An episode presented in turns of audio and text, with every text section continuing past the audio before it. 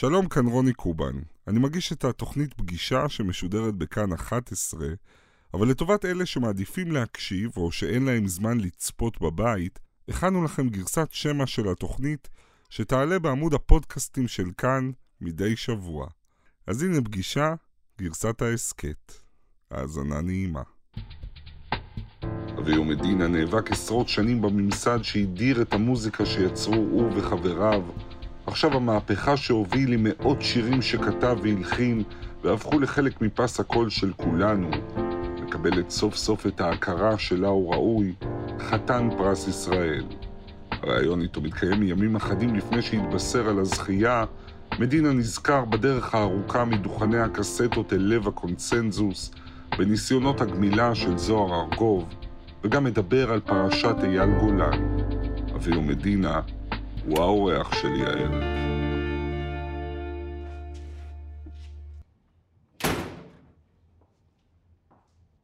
שלום אביהו. שלום וברכה.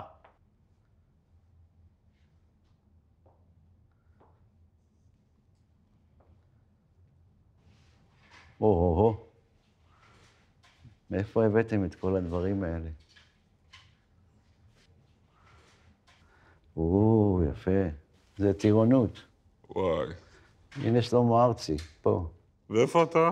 פה. מה אתם עושים באותה תמונה? התגייסנו ביחד. היינו בקבוצה שהלכה למבדקי קומנדו ימי. ושם היה גם שלמה. אז עברנו את המסלול הזה. אתה בדרך כלל קול, אבל אני רואה אותך מתרגש. שמע, עשיתם עבודה שאני לא הייתי עושה. לאבא שלי. הייתה לו תזמורת של אירועים משפחתיים. אתה יודע, יש פה כל כך הרבה זמרים מהגדולים שבמדינה שלנו, אתה כתבת לכולם קלאסיקות, אבל את רוב הקלאסיקות נתת לזמרים אחרים. אתה מצטער על זה? לא, אני לא שרתי אז. אני יודע אבל שאת אבא שלך זה הכעיס, הוא אמר לך בהתחלה, למה אתה לא שר את השירים בעצמך? כן, אבא שלי חושב שאתה צריך לשמור את כל הביצים בסל שלך. בהתחלה רציתי להיות זמר, אבל ראיתי את המסלול שהם עוברים, אמרתי לו, לא בשבילי. ואז דאגתי לעצמי, וברוך השם, ראיתי ברכה בעמלי, גם בשיפוצים וגם ביהלומים וגם במוזיקה. אני אף פעם לא הופעתי בחתונות, אני לא מופיע בחתונות, לא בר מצוות, לא אירועים משפחתיים, כי זה לא מתאים לאופי שלי. אתה צריך להרקיד אנשים, ואני לא באתי להרקיד, אני רוצה להנעים. אתה נעים? נתחיל?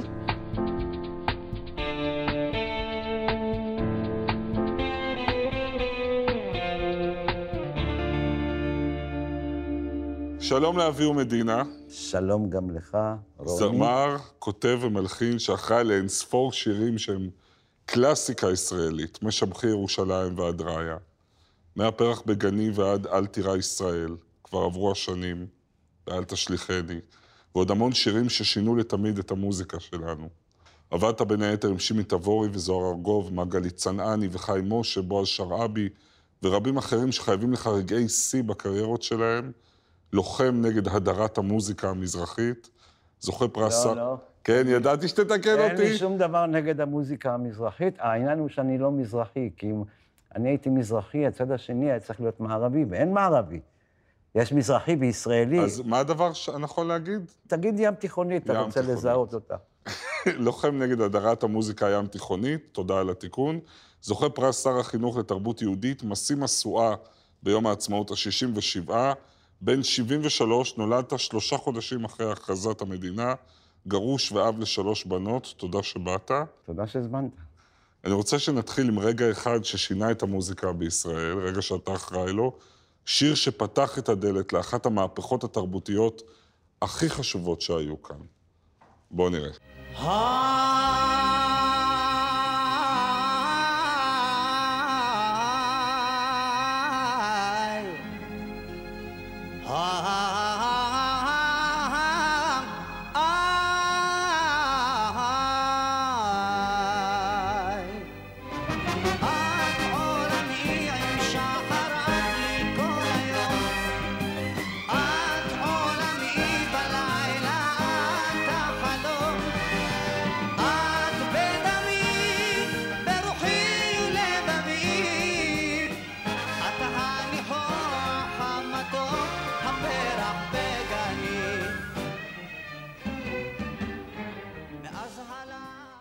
זה לראות את זה? תשמע, הוא היה כישרון בלתי רגיל. מבחינתי זו הייתה אבדה גדולה מאוד מאוד. עם כל הכבוד לזמרים האחרים, הוא אמר אמת. זוהר לא היה לוקח שירים בסיטונות. הוא היה בודק כל שיר, הוא היה קורא טקסט עד שהוא לא הבין למה התכוון המשורר, הוא לא אומר מה דעתו. אתה יודע, מה שמדהים, ראיתי המון רעיונות איתך לקראת התוכנית, ובכלל, אתה איש חזק, עברת בחיים דברים, מדבר עליהם. מלחמת יום הכיפורים, אימא שמתה בגיל צעיר. כל פעם שאתה מתבונן בזוהר מדבר עליו, יש לך לחלוכית בעיניים. לא צריך להגזים, אבל אני אהבתי, אהבת אותו. אהבתי אותו מאוד. והוא היה קורבן של נסיבות. אנחנו נדבר על זה בהמשך, אבל את השיר הזה בעצם, 1982, הוא לא רצה לשיר. לא. אתה יודע למה? למה? כי כשהוא פנה אליי, זה היה 79. ואני, אתה יודע, כמו כרגיל, אני אומר רק אמת, אני לא, לא יודע לפרגן בלי סיבה. ואמרתי לו, תשמע, אתה, אין לך תרבות שירה, אתה עומד על במה, אה, אתה מסתכל על קהל כאילו אתה וה stand אותו דבר, אין לך, אין לך תזוזה, אין לך משהו שהוא חי, שאתה חי את השיר בפיזיקה שלך. ב... ואתה גם מכניס כל מיני דברים שמוזילים את השיר, מה זה וואלאק? וואלאק. מה זה הוואלאק הזה? עת דודים כלה, וואלאק בואי. ל-" אתה מזלזל בשיר, והשיר יזלזל בך. וככה אתה תצטייר בעיני הקהל, ופסטיבל הזמר זה במה מכובדת. אתה צריך לעשות ככה וככה וככה וככה. מבחינתו זו הייתה דחייה. והוא זכר, וכשכתבתי לו כבר, הוא אפילו לא, גם כשהוא האזין, הוא האזין כמו חירש. 30 שנים אחרי שהשיר יצא, בן שלו כתב בכתבה גדולה בהארץ, הוא מכתיר את הפרח בגני כמחולל המהפכה התרבותית, רגע של תפנית. הפופ המזרחי נכנס בפעם הראשונה למיינסטרים המוזיקלי הישראלי. אתה ידעת מראש שהשיר הזה חזק כל כך? אתה אף פעם לא יכול לדעת מראש. אני כתבתי הרבה שירים יפים, שלא השמיעו אותם אפילו פעם אחת. כי שפטו אותם עוד לפני ששמעו אותם בכלל. אני רוצה שנדבר רגע על הזלזול, על חוסר הכבוד שאתה נלחמת בו אה, שנים, חוסר כבוד שהיה נחלתם של רבים מקובעי הטעם בצמתים המרכזיות של התרבות הישראלית. הרדיו, נזכיר, לא משמיע כמעט שירים ים תיכוניים אז, לא שלך ולא של אחרים. וכשאתה פונה לעורכי התוכניות ברדיו, מנסה להבין למה, מה אומרים לך? קודם כל, הם כל הזמן דיברו על האיכות. אני אומר לו, תגיד לי, אל תשליכני, זה מן התהילים. זה כתב דוד המלך, ואתה מסכים איתי שה... שאל תשליכני הוא, הוא שיר שכתוב יפה? הוא טקסט משובח. כן, בהחלט. אז מה יש לך נגד המנגינה? לא, במקרה הזה וכולי. ואז נותן לו את שבחי ירושלים. וכל מיני שירים כאלה שאני, לא אני כתבתי את המילים, שבאים מהמקורות. לא הייתה להם תשובה. היו כאלה שאמרו גם, זה לא ישראלי, נכון? קודם כל, זה לא ישראלי, כי יש שם סלסול מזרחי, שזה לא שייך לישראל, אבל לא נכון. ישראל מורכבת ממזרח ומערב. וכשאמרו לך, זה מה שאתה כותב, זה לא ישראלי, נפגעת? לא, הם לא קובעים בשבילי. אני יודע מה, מה אני כותב. אני לא צריך אותם. אני יודע שאני בעל הבית כמו כל האחרים, כל הישראלים. אני באותו דבר, באותה רמה.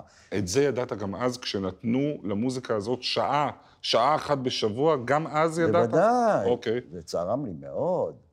צרם מאוד מאוד, אבל מה בכוחי אני כאיש בודד, כשכל הז'אנר הזה כולו רועד אה, מאימת התקשורת, שמא הם את הגרגיר הקטן הזה שנותנים להם פעם בשנה, איזה ייקחו את זה. ידעתי שאני לא יכול להתפרנס מתקשורת ולהיות תלוי בה כשאני מקבל יחס כזה, אז ויתרתי. אני מבין שגם אמרו לך מתישהו לא מצאנו בתקליט או בקסטה שיר שמתאים, ואז אתם עושים ניסוי, ניסוי די מדהים, מה הניסוי? הניסוי היה, אה, אני לא זוכר איזו תוכנית זו הייתה, אה, שרצינו להתקבל אליה. יוצא אלבום חדש וזה, אז בדרך כלל מציגים ומראים וזה. ואז כל פעם שהיינו שולחים אלבום חדש, עוד אלבום חדש, עוד... לא מצאנו שום דבר מתאים, לא מצאנו שום דבר מתאים, לא מצאנו... בוא'נה, לא יכול להיות דבר כזה. ובאיזה מהירות הם היו משיבים לנו. לא מוצאים מהר, כן. יום אחד אה, שלחנו תקליט של להקת צלילי הכרם, והדבקנו, יש ניילון שאתה מכניס לתוך ניילון, ואחרי זה אתה מכניס את זה לתוך עטיפת קרטון. אז את הניילון הדבקנו באמצע. אתה לא יכול להשמיע בלי לקרוע את זה. ואז שלחנו אליהם, ואחרי שלושה ימים מתקשרים, נו, מה, מה קורה? מצאתם משהו טוב? וזה... לא, הקשבנו ולא מצאנו שום דבר. אפשר לקבל את התקליט חזרה? אמרו, כן, ודאי, שלחנו לנו איזה תקליט. זה היה עדיין דבוק. וואו. איך הם אומרים שהם שבו? אתה מבין, זו הייתה נוכלות. מראש נפסלנו בלי לבחון אותנו בכלל. וידעתי שהדרך היא ארוכה. אני תמיד אמרתי להם, כשהייתי נפגש איתם, כל מיני מנהלים, מנהלי רדיו, מנהלי טלוויזיה, תמיד הייתי אומר לו, תשמע, אתה יכול לעכב, אבל אתה לא יכול למחוק. אנחנו נצליח. אנחנו נכפה עליכם, לא אנחנו, העם הזה, נכפה עליכם. המאבק, שאתה היית אחד מראשיו, לוהט בזירות אחרות. בפוליטיקה, מירי רגב מאיימת להקים ליכוד מזרחי. דודי אמסלם, שישב פה על הספה, מדבר על 30 אחוז אשכנזים שעדיין מנהלים את המדינה. יש כאן עדיין ביטוי לזעם גדול. מבחינתך המהפכה הסתיימה, או שהיא עוד חיה וקיימת? יש במה שהוא אומר הרבה, הרבה. ראה את בית משפט עליון. 70 שנה יש ספרדי תורן אחד. מה, מה קרה? מה, הספרדים מפגרים? תראה, הם בשוק החופשי, בשוק הפרטי, הם פורצים לגובה ולרוחב. אז איך זה פתאום הם נהיו מטומטמים בשביל להיות שופטים עליונים? זה התנשאות של הצד ההוא. כיוון שהם בית משפט עליון, ואף אחד לא יכול לשפוט אותם, הם עושים מה שהם רוצים. הכוח משחית.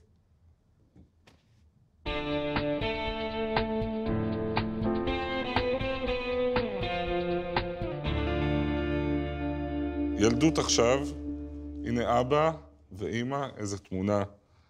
ואתה פה תינוק בידיים של אימא עם שני האחים הגדולים שלך, אתה השלישי מבין תשעה ילדים. כן. ואבא, גם שומר שתלמד וגם מכניס לך עמוק את המוזיקה. אבא שלי היה חזן והיה זמר. זמר של מוזיקה תימנית, שר באירועים. אה, לימים אני אה, התלהבתי מחזנים אשכנזים. הייתי נוסע על אופניים בשבת מחולון לתל אביב, לבית כנסת הגדול, כי היה מפורסם שקוסוביצקי יהיה החזן באותה שבת. וזו תמונה שמגרה את הדמיון, ילד שנוסע באופניים, לשמוע חזן אשכנזי מבוגר, מתוך מה? מתוך סקרנות? מתוך... לא, לא, מתוך זה שהחזנות שלו הייתה יהודית. ושתדע לך, הסגנון התימני והסגנון החסידי הם קרובים מאוד. וברגע שיש לך נעימה שהיא יוצאת מתוך השורשים היהודים שלך, כי אתה מתכוון לטקסט שאותו אתה מתפלל, אז זה דומה מאוד החזנות של התימנים ושל האשכנזים. יכול לתת לי דוגמה? תראה, אל תשליכני, אין בים תיכונית, ברכנו, השם אלוקינו, אין את זה בתימנית, אבל יש את זה באשכנזית, והוא מתכוון אה, אה, למילים שאותם הוא מחזן. אז אני הלכתי על המוטו הזה. אל תשליכני לזקנה, בה בה בה בה, בבבינה.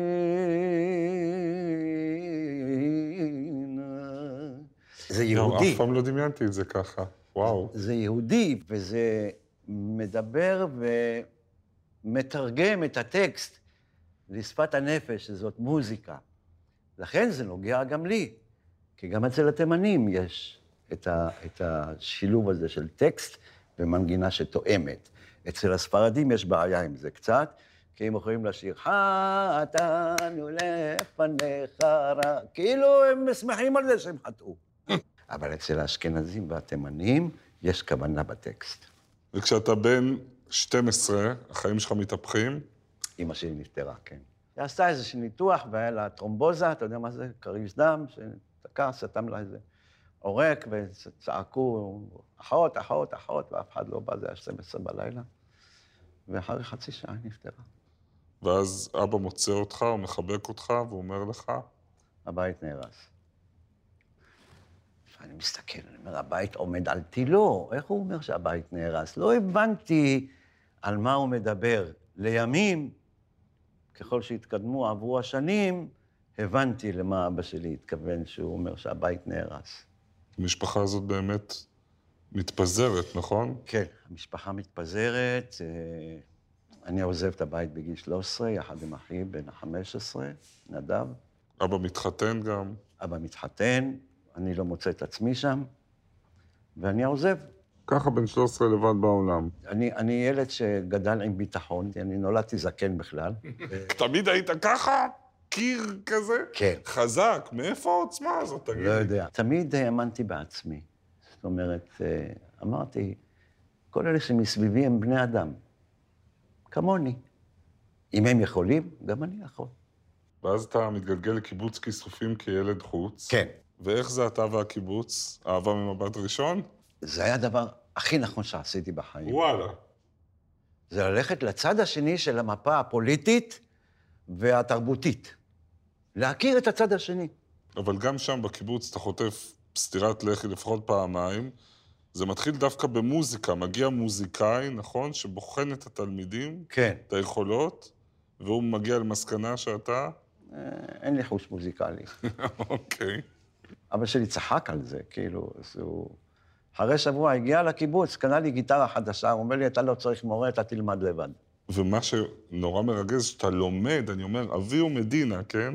כן. מתחיל את הלמידה המוזיקלית דרך תלמידה אחרת, נכון? כן, איילת, שהייתה בת משק, ונמצאה מוזיקלית, והייתי מחכה לה, אחרי שאתה מסיימת שיעורים, בא לחדר שלה, מה למדת היום? אומרת לי ככה, אומרת לי ככה, ככה למדתי את חמישה אקורדים הראשונים.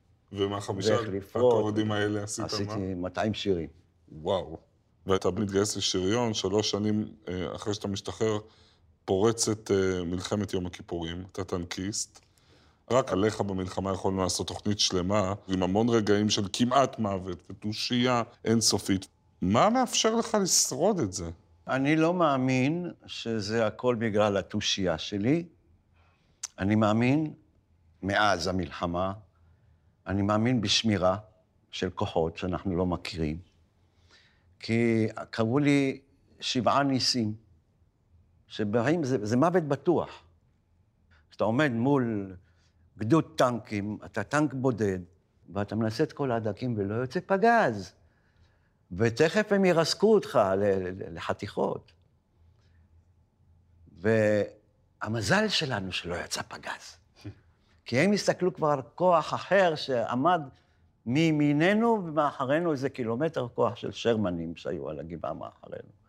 וזה מה שאפשר לנו לסגת ולהתייצב על 1,500 מטר, והם כבר נכנסו, כמו במצעד יום העצמאות, ואז חיסלתי אותם, אחת, שתיים, שלוש, ארבע, חמש, שלוש דקות. אתה אמרת על שיעור שלמדת שם, למדתי על עצמי שיעור נוסף, אל תיכנס למקומות שאתה לא מבין בהם. גם בעסקים, אם אתה נכנס, עדיף ללא שותפים. מאז ומתמיד אני הבוס של עצמי, כמעט תמיד לבד, כמו במלחמה, זאב בודד עם טנק. נכון. נכון, זאב בודד זה ממש המוטו שלך. כן.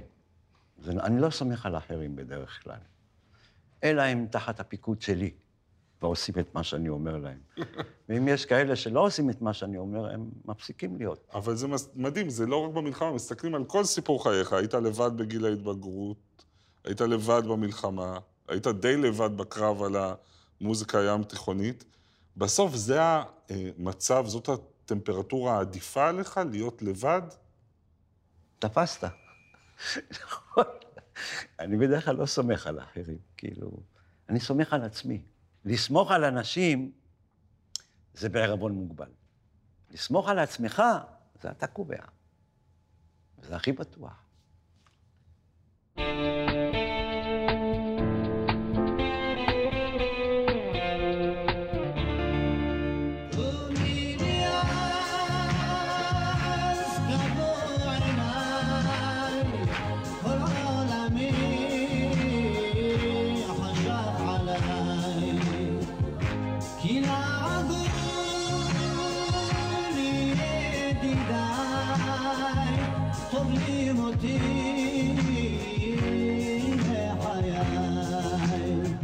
הבלים אותי מחיי.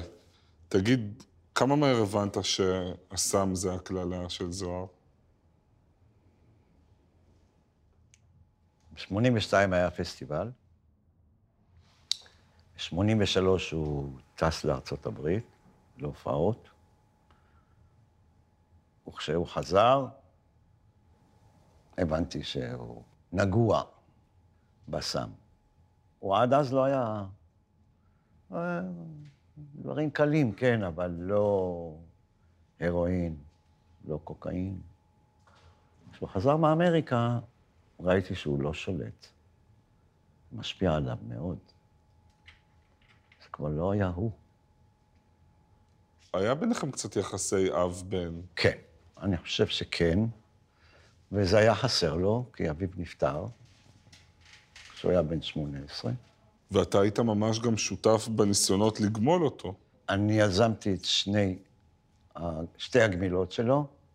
אתה היית ש... איתו שם יום ולילה, נכון? באילת. נכון. שזה מראות מאוד קשים, אדם בקריז, אדם מנסה להיגמל, זה... זה לא משנה, יש מטרה. צריך להגיע אליה. לגמול אותו. כן. וכמה מהר אחרי שאתם חוזרים מאילת, זוהר חוזר לסם? באותו יום. ביום שאתם חוזרים? באותו יום. וואו. בפנים הוא רצה, היה בו איזה כוח... הרסני. נכון? של הרס עצמי. עצמי. כן, הרס עצמי, שמוביל אותו direct, special, אל המוות. תספר איך קיבלת את הידיעה על מותו. קשרו אליי מגלי צה"ל בשש ורבע בבוקר. העירו אותי, אמרו לי, אתה יודע ש... אמרתי לו, לא, עכשיו אתם מספרים לי.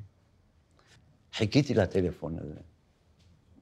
מכתוב, אתה יודע, מכיר, אתה יודע מה זה מכתוב? יעני, כתוב לו. וכמו שהיית בהתחלה של זוהר, גם עם אייל גולן, אתה, אתה מהראשונים שמגלים אותו ומאמינים בו. ערב שבת אני מקבל טלפון מדני נועם, הוא אומר לי, תשמע, יש uh, זמר שכדאי שתקשיב לו, בוא תשמע אותו. אחרי שניים, שלושה שירים הבנתי שזה בן אדם עם פוטנציאל. אוקיי. okay. ואז הוא התחיל לעבוד עם uh, ישי, שותף שלי, הכנסתי לו את החטא ואת העין ואת הרש, שלא יזייף, לא יסרס את העברית, כמו הרבה זמרים צעירים, והוא נשאר איתם עד היום לשמחתי. אני, אני שמעתי אותך אומר בריאיון לירון אילן שאייל גולן גדול יותר מזוהר בעיניך. מה לעשות, זוהר ירד באמצע הדרך. כן. כן, ואייל המשיך.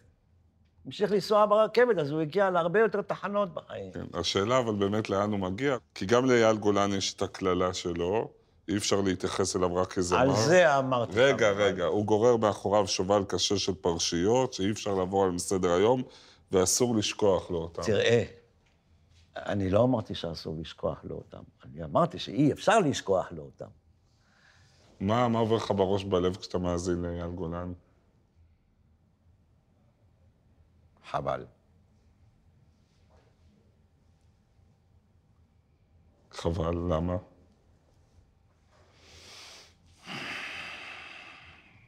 אייל הסתנוור מעצמו, וחשב שהכל מותר. ותמיד יסלחו לו. דיברת איתו על זה פעם? לפני הרבה מאוד שנים. כי הוא התחבר לאנשים שאין לי כל קשר אליהם. וכששמעת את פרטי הפרטים של הפרשיות והאנשים שאתה מדבר, אני בהתחלה... שהקיפו אותם, היחס למעריצות, הניצול שלהם, זה שמשתמשים בהם כדי שכל המקורבים ייהנו, הסיפורים עם אבא שלו, שעם בחורה אחת והוא עם בחורה שנייה. בהתחלה של התלונות, אני עמדתי לצידו, כי אני יודע איפה הוא גדל. זה בית מסורתי, דתי, מסודר, מחונך. לא יכול להיות ש... משם יצא משהו שמתארים בעיתונות. הגנתי עליו. ואז? באו עוד תלונות ועוד... ואז אני הבנתי, תשמע, זה לא הוא אשם כולו. הוא לא אשם בלעדי במה שקורה איתו, יש לו סביבה. והסביבה, יכול להיות שהיא גם מדרדרת אותו. זה חולשה שלו. יש בעיה עם זה. זה משהו שהוא בדיוק הפוך מהאופי שלי. ואתה לא קצת מקל ראש איתו? אה, אני לא מקל ראש בקלות הדעת שלו. אבל היום אתה כבר לא מגן עליו. לא, כי אני לא בעניינים. ברור שיש לי סברות. הוא יכול גם להתגלגל, הוא יכול להיות גם נאשם שלא באשמתו, ויכול להיות שחלק מזה, חלק קטן מזה הוא גם אמיתי. השאלה אם אה, אה, את אייל גולן, אתה לא משחרר קצת יותר מדי בזול, אפילו אם לא העמידו אותו לדין. בסופו של דבר, זמרים שכל כך מצליחים, שנהיים סמל, שיש להם כזה קהל, שנערות צעירות נושאות אליהם עיניים, גם להם יש אחריות אדירה, זה כבר לא קשור רק לפמליה, זה קשור למוסר שלו כבן אדם. אני יכול להגיד לך מה שאני אמרתי לאייל בראשית הדרך. נו. אמרתי לו, אתה עומד על במה, יש לך מעריצים, אלה תלמידי בית ספר. אתה עומד והם מקשיבים לך ומאמינים לך. אתה יותר חזק ממורה בבית ספר.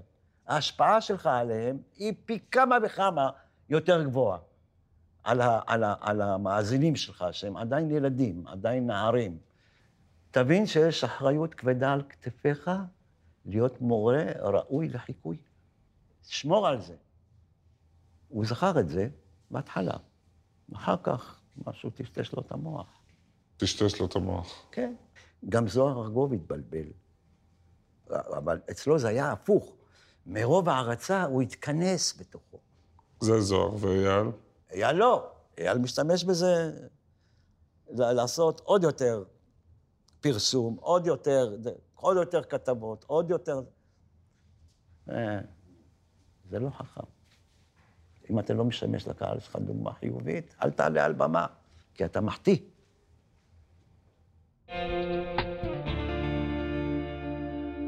אנחנו לקראת סיום. אני רוצה לשאול שתיים, שלוש שאלות על גרושתך.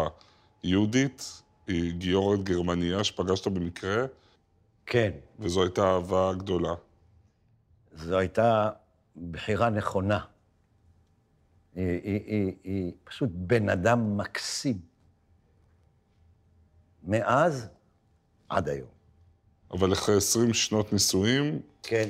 היא, היא בעצם באה ואמרה... שהיא רוצה שנחיה בנפרד. אמרתי לה, טוב, נעלבתי. הלכנו לרבנות, גרשנו, וחזרנו לישון יחד.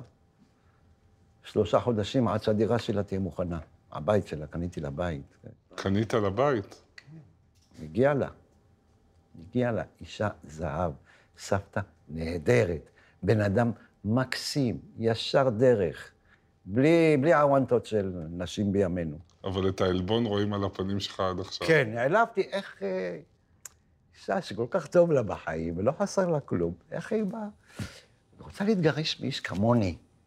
אתה מבין? אני חשבתי שאני... בוא'נה, אחד הגברים היותר טובים. ופתאום היא באה ואומרת, אה, על מה? מה קרה? למה? זה גיל המעבר של נשים, זה קורה להרבה נשים, שפתאום מקבלות סיבוב, רוצה להתגרש, אחרי זה היא מתחרטת. מה עם גיל המעבר של גברים? אין דבר גם כזה. גם הם תופסים איזה סיבוב, לא? לא, לא, אין דבר כזה, הם כל הזמן עוברים. אוקיי. היה פה שוביניזם כאן שעבר. שוביניזם? אתה מאמין בשוויון? כן. גם עוד מיליארד שנה לא יהיה שוויון. מיליארד. אנחנו בנויים שונה. מהטבע, בנויים שונה, מרגישים אחרת, חושבים אחרת. יש לנו כישרונות אחרים. לעולם לא יהיה שוויון, כי אנחנו לא שווים מהלידה כבר. אני לא אומר מי יותר טוב. אני, אני חושב שנשים יותר טובות מגברים, כי יש להם יותר, יותר כישורים. שוויון לעולם לא יהיה. אבל אתה יודע מה מדהים? מכל הסיבות שמנית על העלבון שלך, כן. לא ציינת את זה שאולי פשוט אתה אהבת אותה, והיא כבר לא. לא, היא אוהבת אותי עד היום. איך אתה יודע? היא אומרת את זה כל הזמן. היא רצתה לחזור אחרי חצי שנה. רצתה לחזור? נו. כן, אבל אני כבר הייתי בסיפור אחר. ואתה לא מצטער על זה? אה, אני מצטער שאימא שלי נפטרה כל כך צעירה. על זה אני מצטער. אבל לא יכולתי לעשות שום דבר. אבל תראה איך אתה בעצמך עושה את החוט הזה בין הנטישה שאימא לא התכוונה אליה, נכון? לבין נטישה במודע. לבין נטישה במודע שלא יכולת לעמוד בה. כן. אתה צודק. פשוט לא יכולת לסלוח למי שעזבה אותך. אה, כן. בקיצור, זאב בודד עד הסוף. לא, יש דברים שאנשים ברגיל מחשיבים אותם. למשהו חשוב מאוד בחייהם. אצלי אין הרבה כאלה. הכי חשוב זה הבריאות. שמור על עצמך, ותחייך כל הזמן, ותצחק כל הזמן. כי זה הכי בריא, זה לצחוק. וכל השאר זה משחק. אביהו מדינה, תודה רבה, היה לי ממש לעונג. תודה רבה לך. החכמתי, תודה רבה על השיחה הזאת, תודה.